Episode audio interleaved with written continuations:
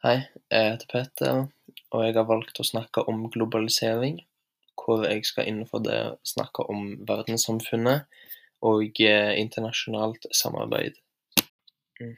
Verdenssamfunn er egentlig et ord jeg ikke helt 100 vet hvordan jeg skal Eller hva definisjonen på det er.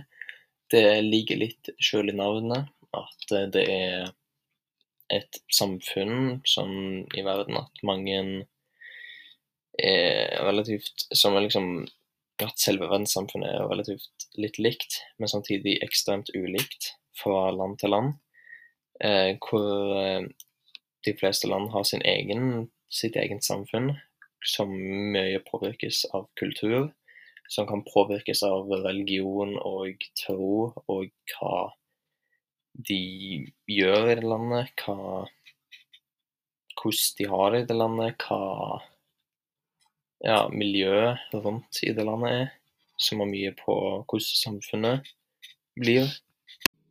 Noe annet som definerer verdenssamfunn og ulike samfunn, er makt i de forskjellige delene av landet. For eksempel i Norge hvor vi har økonomisk makt og ideologisk makt, hvor vi har ganske mye penger gjennom olje og å selge fisk og andre ting til utlandet. Og har ideologisk makt, hvor vi egentlig er et veldig rettferdig land, hvor vi òg liksom har det veldig bra, hvor vi har lav kriminalitet, og at vi er ganske på å gjøre det rette. Hvor vi òg har en relativt liten befolkning, som gjør at det ikke blir så stort problem. Og det er et svært lite land, og men samtidig et veldig rikt et, som gjør at de som bor her, kan ha det fint. Og vi får mesteparten av inntektene av fisk og olje, mens eksempel i Amerika, som er litt på mer økonomisk makt og mer militær makt, hvor USA er ganske rikt, men òg har mye militær, hvor de fokuserer ganske mye på det. Og det er ekstremt stort, og samtidig rikt, men med tanke på at det er så stort, så blir det vanskeligere for de å holde sin ideologiske makt, for det meste, med tanke på at det er ekstremt mange som ødelegger for det, med tanke på at de har ganske mye kriminalitet, hvor de òg sliter med det, med tanke på at fengsel der er ganske mye verre enn det er i Norge. Noe annet med verdenssamfunnet er at noen samfunn kan påvirke andre samfunn òg. Eksempel at med Norge, hvor vi har fått inn masse ulik kultur som tar med seg mat, religion, tro og språket sitt. Så jeg kan f.eks. se på restauranter hvor menyen noen ganger står på flere språk, og hvor på menyen det kan være mer eksotiske retter som ikke er vanlige for Norge, Liksom. Og mange steder på hotell og båter står det ulik så står det ulike språk på instruksjoner, f.eks. med sikkerhet, i hvert fall.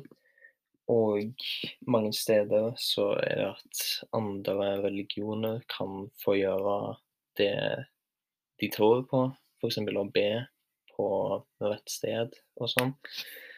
Og mange ja, blir påvirka av det.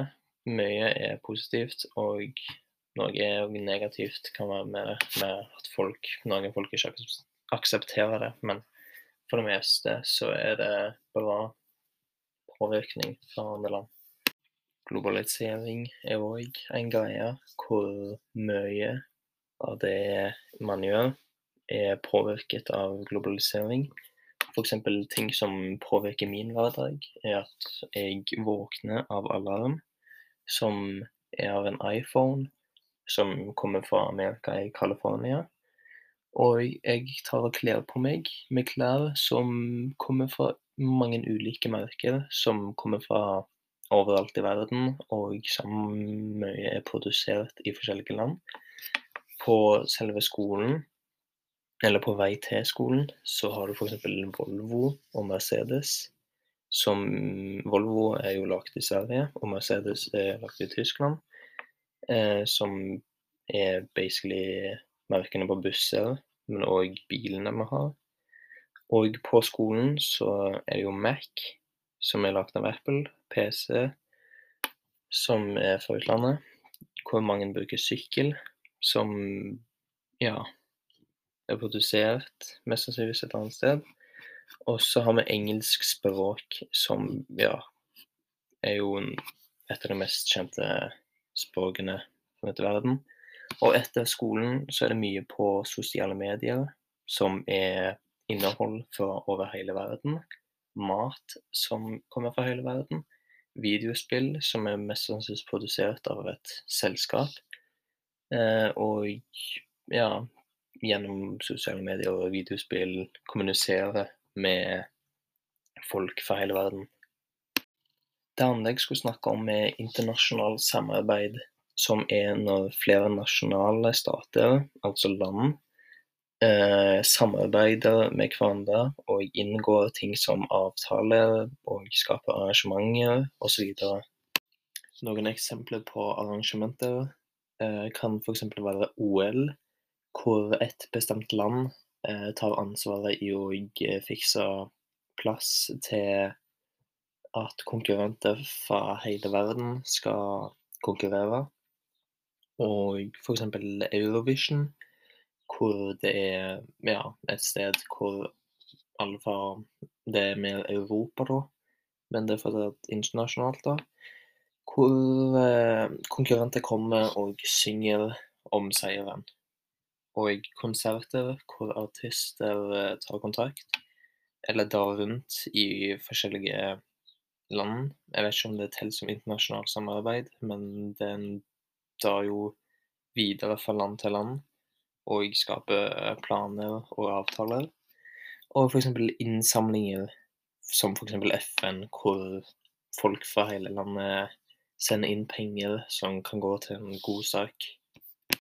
Noen eksempler på avtaler kan f.eks. være fredsavtaler mellom land, f.eks. verdensorganisasjonen FN, altså De forente nasjoner, hvor mange eh, land. Jeg tror nå er det oppimot 150, ifølge boka, eh, som har gått sammen og eh, bestemt seg for å holde freden og passe på at freden blir holdt.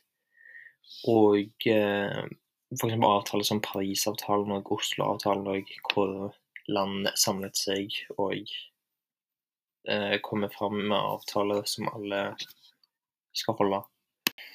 Når jeg tenker på hvordan internasjonalt samarbeid påvirker meg og min hverdag og min liv, mitt liv, så tenker jeg for det meste på at jeg har det fredelig, at jeg føler meg trygg i landet mitt, med tanke på at det ikke er noen konflikter eller krig her, fordi at vi har så god fred.